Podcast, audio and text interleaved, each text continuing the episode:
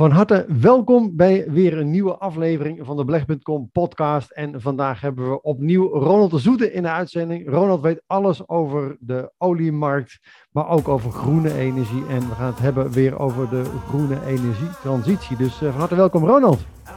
De grote vraag is dit. Hoe verdienen beleggers zoals wij, die niet de hele dag achter een scherm willen zitten of veel risico willen lopen, geld met beleggen met bewezen succesvolle strategieën? Dat was de vraag en deze podcast geeft je de antwoorden. Welkom bij de Beleg.com podcast. Ja, dankjewel uh, Harm. Leuk om weer even erbij te zijn. Ja, en volgens mij vanaf, uh, vanaf de bergen. Ja, vandaag is het uh, vanuit het mooie Saalbach-Hinteglem. Waar het, de sneeuw nu echt hard aan het dooien is. Het is hier ongeveer 10 graden in het dorp. Dus we zitten met z'n allen in de zwembroek. Lekker, lekker, lekker, lekker. Zeg, waar, waar, waar, uh, ja, wat gebeurt er op dit moment in de energiemarkt allemaal, Ronald? Want uh, olieprijzen die gaan omhoog, uh, gasprijzen gaan omhoog, LNG, wat, wat, ja, wat, kan je er iets over vertellen? Ja, daar kun je zeker wat over vertellen. Laten we even beginnen met de olieprijs.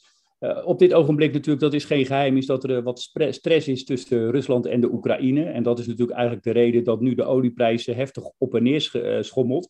Maar eigenlijk is natuurlijk corona het grote verhaal daarachter en eigenlijk ook de OPEC. Omdat OPEC minder olie produceert eigenlijk dan ze zou kunnen, houdt ze de markt kunstmatig kort, waardoor steeds maar die olieprijs week na week, maand na maand blijft stijgen. En dat hebben we dus gezien. We zitten nu bijna bij die, nou, net over de 90 dollar per vat voor de Amerikaanse olie. En dat is eigenlijk een grote verrassing voor iedereen geweest. Want een jaar geleden nog zaten we bij die 25, 30 dollar. En we zitten nu drie keer zo hoog. Dus die olieprijs, zolang OPEC plus zeg maar dat kartel kunstmatig uh, haar aanbod uh, beperkt, zullen we steeds hogere prijzen zien. En ik zou er niet uh, van staan te kijken als we over zes tot acht weken 100 dollar per vat gaan zien. Nee, ik denk in dit tempo is het helemaal niet zo gek om, om, om te zien. En ja, je ziet wat dat betreft wel dat heel veel mensen natuurlijk gewoon steen en been klagen. Je ziet natuurlijk gewoon die olieprijzen omhoog gaan. Ik was ook dat je alleen aan het tanken en ik dacht van, nou ja, als ik, maar goed dat we nu, nu overgeschakeld zijn naar de euro, want Anders zou ik 4 gulden 55 moeten betalen per liter. Uh, en uh, ja, het is, het is, het, ja, het, uh, hoe, hoe, hoe ver gaat dit nog door, Ronald? Nou ja, het, het, zeg maar die olieprijs die kan natuurlijk een stukje hoger, misschien naar 125 dollar, maar dan gaat het ook zeer doen bij de afnemende industrie. En die gaan dan weer minder olie afnemen omdat ze niet genoeg marge maken. Dus uiteindelijk zit er ook wel zeg maar, een maximum aan de olieprijs. Maar we kunnen nog wel zo'n 10, 20 procent omhoog. Met betrekking tot de benzine dat is eigenlijk uh, een ander verhaal, omdat op het ogenblik wordt eigenlijk veel te weinig benzine gemaakt. En dat komt ook eigenlijk door de stormen die zijn opgetreden. Allemaal verschillende oorzaken, zeg maar, waardoor die olieraffinaderijen onvoldoende benzine kunnen maken. Want je moet je voorstellen, dat is een olieraffinaderij, die maakt zeg maar diesel en benzine, maar ook kerosine.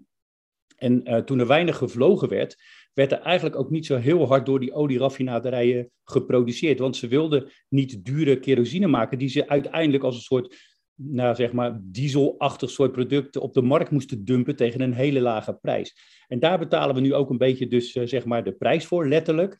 Dat de olieraffinader eigenlijk te weinig tijd hebben gehad om uh, benzine te maken. En dat is de reden dat ook zeg maar, in Amerika de benzine echt op hoogterecord staat op dit ogenblik. Dus misschien ga je straks nog wel uh, inderdaad meer betalen voor je benzine, ondanks het feit dat de olieprijs omlaag gaat. Ronald, ik hoor tegenwoordig allerlei verhalen over Nord Stream 2, over dat er allerlei politieke spellen zouden worden gespeeld uh, en dat Rusland niet te veel afhankelijk, of Duitsland niet veel, veel afhankelijk mag worden van, uh, van Rusland, want als ze te veel vriendjes gaan worden, dan is het weer nadelig voor de verhouding tussen Amerika en dergelijke. Wat vind je van die uh, theorie? Ja, nou, ik denk eigenlijk dat het een beetje andersom is. Ik denk dat door de kernramp in Fukushima in Japan, dat daar eigenlijk het signaal is gegeven voor Duitsland om helemaal uh, vrij te komen van die kernenergie. Dus uh, eind 2023 moeten alle kerncentrales in Duitsland gesloten worden. En ze hadden dan nog maar één alternatief om hun bevolking van energie te voorzien. En dat is aardgas. En die aardgas die moest uit Rusland komen, want dat was dichtbij, dat was goedkoop. Maar helaas, wat doe je dan? Dat stel je heel afhankelijk uh, ja, op ten aanzien van Rusland. En die kunnen nu inderdaad het spelletje gaan van spelen. Als jullie te streng zijn tegen ons, dan leveren jullie geen gas. Wat Amerika daarin als rol speelt, is dat Amerika al heel lang gewaarschuwd heeft bij Merkel, weet zeker uh, wat je doet. En die zijn al heel lang uh, tegen die Nord Stream 2 geweest. En dat was eigenlijk omdat zij al zagen dat uh, Duitsland en de EU eigenlijk een stukje afhankelijkheid kwijt zouden raken, en, of onafhankelijkheid uh, zouden raken. En het gevaar daarvan is dus inderdaad, dat als er maar even onzekerheid is, die aardgasprijzen omhoog schieten, omdat iedereen bang is dat ze Europa ergens een tekort krijgt aan aardgas. Uh, dus ik denk eigenlijk dat de VS niet zozeer een probleem heeft zeg maar, met het feit dat Rusland een contract heeft gesloten met Duitsland, waar ze wel een probleem mee hebben, is als er dan een probleem ontstaat, dan wordt er gekeken naar de VS dat zij het wel even op mogen lossen. En mocht het militair een probleem uh, worden, dan mag de VS het ook nog een keer oplossen. En dat is natuurlijk eigenlijk een beetje een uh, oneerlijke situatie. Dat de VS wel uh, wordt aangesproken op het feit van, ja, jullie moeten ons verdedigen als er een probleem komt. Aan de andere kant, als de VS zegt, nou, jullie kunnen bij ons ook aardgas kopen, doen zij Merkel, nee, dat doen we niet, want dat is te duur.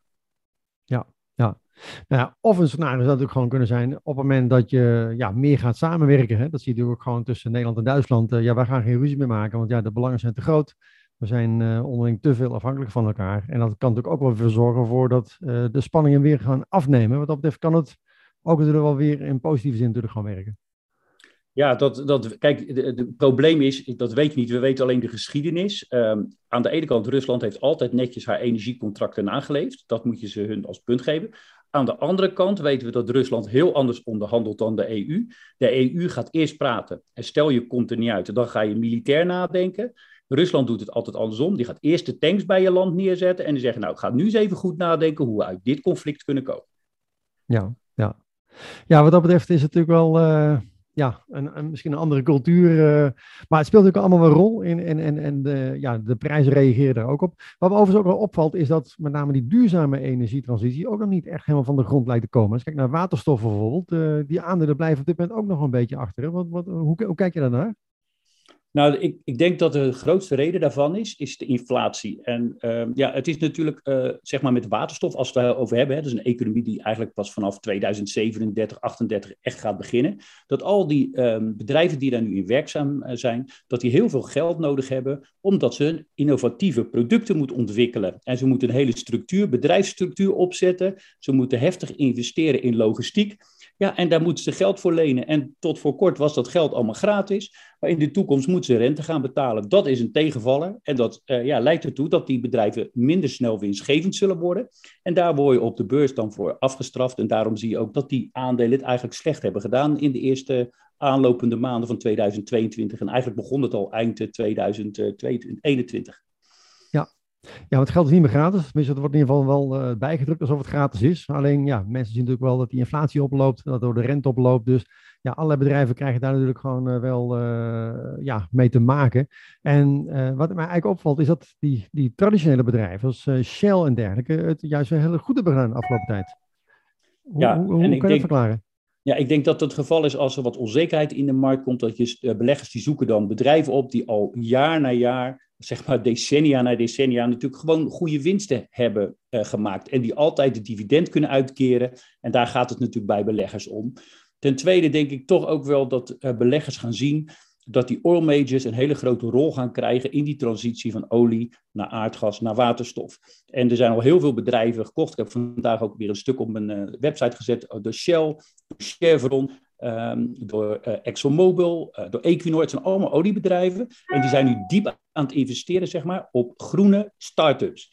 Uh, die zijn nog redelijk betaalbaar. Plug Power vandaag ook weer een grote start-up gekocht. Echt, um, ja, je ziet het niet in de media, maar ze zijn echt allemaal heel hard bezig om zeg maar, een mooi netwerk te maken. Wat straks kan aansluiten bij die waterstofeconomie. En die oil dat zijn eigenlijk de enige partijen nu nog waar gierend werkelijk het geld binnenkomt. En die kunnen straks die grote waterstoffabrieken gaan bouwen, de terminals die nodig zijn, de ondergrondse CO2-opslag. Dus daarom denk ik dat oil and majors toch wel een beetje meer um, belangstelling gaan krijgen, omdat ze zien dat er een combinatie is van een mooie toekomst en een eigenlijk uh, bijna zeker gestelde dividend.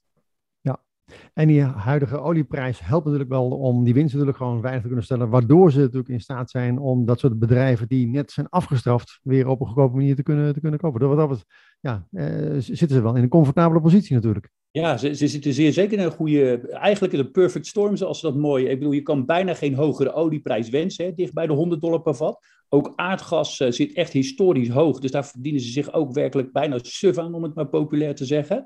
En al dat geld, dat zijn ze niet uh, zomaar aan het uitgeven. Nee, dat laten ze nu op de balans. En elke keer als er een mooi bedrijf komt, wat net zoals jij zegt, hè, hard is afgestraft, dan gaan ze dat opkopen. En rustig, maar zeker, zie je dat ze dus afscheid nemen van olie- en gasbezittingen, met name in de Noordzee.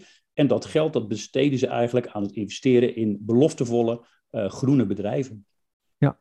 Dus in die zin zit daar ook nog wel wat potentie in. Hè? Want als er een overnamebod komt en je hebt een mooie overnamepremie van 30% bijvoorbeeld, uh, dan zit daar natuurlijk ook nog wel wat muziek in. Hè? Wat, voor bedrijven denk jij zouden dan interessant zijn om eens eh, in de gaten te houden? Nou ja, er zijn verschillende bedrijven waar ik populair uh, gezegd maar echt voor zou gaan. En Fugro zie ik als een van de bedrijven die gaat helpen, zeg maar met bodemonderzoek, klimaatbeheersing, uh, zeg maar die kant. Dus daar zie ik echt wel potentie voor, omdat die ook zo hard zijn afgestraft en uh, een mooie rits, denk ik, voor de boeg hebben. Ik denk dat je ook uh, moet kijken naar bedrijven die in de fuel cell technologie zitten, want dat is natuurlijk nog wel even een, een, zeg maar een kostenpost om elektriciteit en water echt efficiënt om te zetten in waterstof. En het probleem zit erin, dat heb ik in ieder geval in een technisch seminar heb ik dat uh, gehoord, is dat de dikte van het palladium, dat wat ze gebruiken bij die fuelcel, dat dat de grootste uitdaging is de komende vijf jaar. Ze denken wel dat het opgelost gaat worden, maar ze zijn er uh, nog niet. Dus dat zijn ook bedrijven denk ik, die het goed gaan doen. En ik denk ook batterijen, uh, bedrijven die um, batterijen maken. En dan kun je denken aan de gewone batterij die je in je auto hebt. Maar je zou ook eens kunnen googlen op flow batteries. En dat is eigenlijk dat je twee grote opslagtanks met twee verschillende elektrolyten vloeistof laat. En die vloeistoffen, noemen het even simpel, vloeistof A en vloeistof B, die worden tegelijkertijd opengezet. Het vloeistof gaat dan door pijpleiding heen, die komen bij een membraan uit en die maken dan uh, energie. En het mooie daarvan is dus dat je gewoon die twee vloeistoffen A en B, kan gewoon maandenlang kan je die gewoon uh, in die tanks laten zitten. En wanneer je energie nodig hebt, hoef je alleen maar kraan A en kraan B open te zetten. En kun je zeg maar op het moment dat je heel veel energie nodig hebt, zogenaamde piekvermogen, kun je dat leveren aan industrie. Dus uh, flow batteries, daar zou ik ook naar kijken. Uh, zal ik binnenkort een stukje op mijn beleggen.com schrijven. Het is echt wel een interessant iets waar veel geld mee verdiend kan gaan worden. Dus wat dat betreft, ja, er gebeurt, er gebeurt in ieder geval een hoop. Uh, de prijzen, de inflatie, de politieke spanningen hebben allemaal natuurlijk gewoon zo zijn invloed op het hele spel. En ja, super knap dat je dat allemaal gewoon zo in de gaten houdt. En voor ons in ieder geval ook duidt en aangeeft waar de kansen liggen. Maar je gaat aanstaande maandag in ieder geval weer een heel mooi webinar geven. Kan je daar iets, iets meer over vertellen? Wat gaan we, wat gaan we maandag allemaal horen? Uh, nou, maandag wat ik ga doen is jullie allemaal uh, door uh, zeg maar het stappenproces en het denkwerk zoals ik dat zelf doe, zeg maar, meenemen om succesvol te kunnen beleggen in die groene energietransitie. En ik blijf bij de verschillende energiesoorten gewoon even stil zitten van, nou, wat zijn nou die technologieën?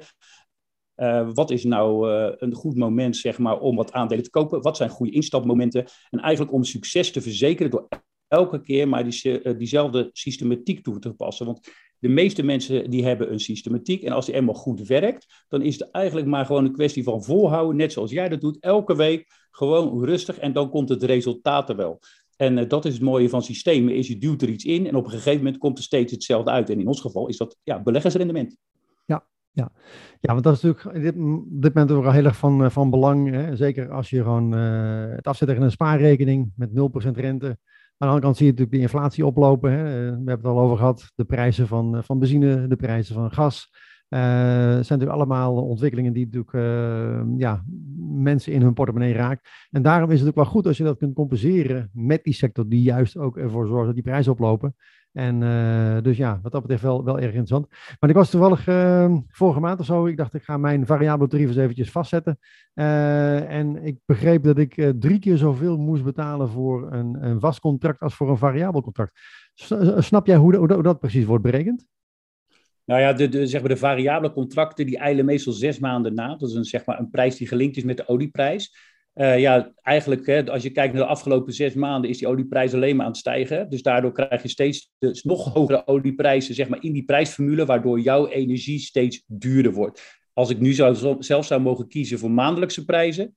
Ik denk dat we nu de winter uitkomen. We hebben een uh, milde winter gehad hier in Europa. We hebben ook relatief veel wind, zoals nu. Hè? Dus dat stond ook vanochtend een stukje over dat, uh, dat dat ook de reden is dat ze niet meer zo bang zijn dat we een tekort krijgen aan aardgas. Ook een beetje op de de-escalatie tussen Rusland en Oekraïne. Dus de verwachting is dat we de komende maanden steeds minder gaan betalen voor aardgas. Dus als ik een tip mag geven, zeg ik kies niet voor een vast contract, maar voor een variabel maandcontract als je je aardgas- of elektriciteitsrekening nog moet afsluiten. Ja. Ja, ik vond het ook gewoon om drie keer zoveel ervoor te gaan betalen voor een vast contract, dat vond ik ook gewoon geen goed plan. Dus ik heb het ook gewoon lekker op variabel nog, uh, nog eventjes gehouden. Dus, uh, en ik denk, hè, compenseren gewoon, zorg gewoon dat je eh, een leuke inkomstenstroom genereert met je energieaandelen. En uh, nou ja, volgens mij moeten we daar aanstaande maandag in ieder geval uh, maar weer eens uitgebreid uh, naar gaan kijken waar die kansen liggen. Want wat jij zegt, opslag is erg, erg interessant, waterstof is interessant, ja, de big oil majors, hè, dat zijn natuurlijk ook gewoon partijen die erg interessant zijn. dus ja, wat dat betreft liggen de kansen denk ik voor het oprapen. Het is gewoon zorgen dat je ja, je goed, goed positioneert. En ja, ik kijk er in ieder geval heel erg naar uit, Ronald. Heb, heb, jij, heb jij verder nog, nog iets, iets aan toe te voegen? Of zeg je van nou, ik, ik ga maandag ga ik verder alles, alles onthullen? Of heb, heb nou, ik, ik denk dat het. Ja, kijk, wat, ik zelf vind, is, is dat er zijn hele sectoren die spannend zijn voor de komende, zeg maar, twee, drie, vier jaar. Je kunt denken aan robotisering, misschien ook gezondheidszorg. maar ik denk, en ik weet zelfs zeg maar uit betrouwbare bronnen die ik altijd wel publiceer, is dat er geen sector ter wereld groter is waarin geïnvesteerd gaat worden in de komende 20 jaar. We hebben het over bedragen tussen de 5 en de 7 biljoen uh, US dollar per jaar. Nou, er is echt geen sector die maar in de buurt daarvan kan komen. Dus laten we de grote olifanten gewoon volgen. En stop je geld voor een deel gewoon in dat stuk. Waar gewoon uh, bedrijven heel, heel succesvol gaan zijn. We moeten wel de winnaars en de verliezers van elkaar gescheiden. Daar ga ik jullie een beetje bij helpen aanstaande maandag. Dus vind je het leuk um, om in de snelst groeiende sector ter wereld te investeren, dan denk ik dat het nuttig is dat je even mee uh, doet. Nou, daar ben ik het helemaal mee eens. Dus wat dat betreft, als je uh, dit interessant vindt, uh, meld je aan op www.52experts.nl. dan ben je in ieder geval maandag om 8 uur van harte welkom tijdens deze training van Ronald de Zoete. Uh, mocht je het een leuke podcast vinden, abonneer je dan even daarop. Uh, geef even een duimpje. Uh, abonneer je erop. delen met andere mensen. want zo werkt ook het algoritme. Als je aangeeft wat je leuk vindt, dan krijg je meer van dit soort video's. en ook andere mensen zien dan dat jij het leuk vindt, vinden, waardoor ja, andere mensen ook weer denken dat het, of zien dat het helemaal interessant is. Dus kunnen daar ook van profiteren. Dus laat even ook een reactie achter onder deze video. Abonneer je, geef even een duimpje. Meld je aan op 52experts.nl en uh, dan zien we je maandag. Wil je meer weten over beleggen? Bestel dan jouw kopie van mijn boek in 10 stappen succesvol beleggen of meld je aan voor de gratis online training op www.beleggen.com. In mijn boek en training ontdek je stap voor stap hoe wij bewezen succesvolle strategieën gebruiken om geld te verdienen op de beurs.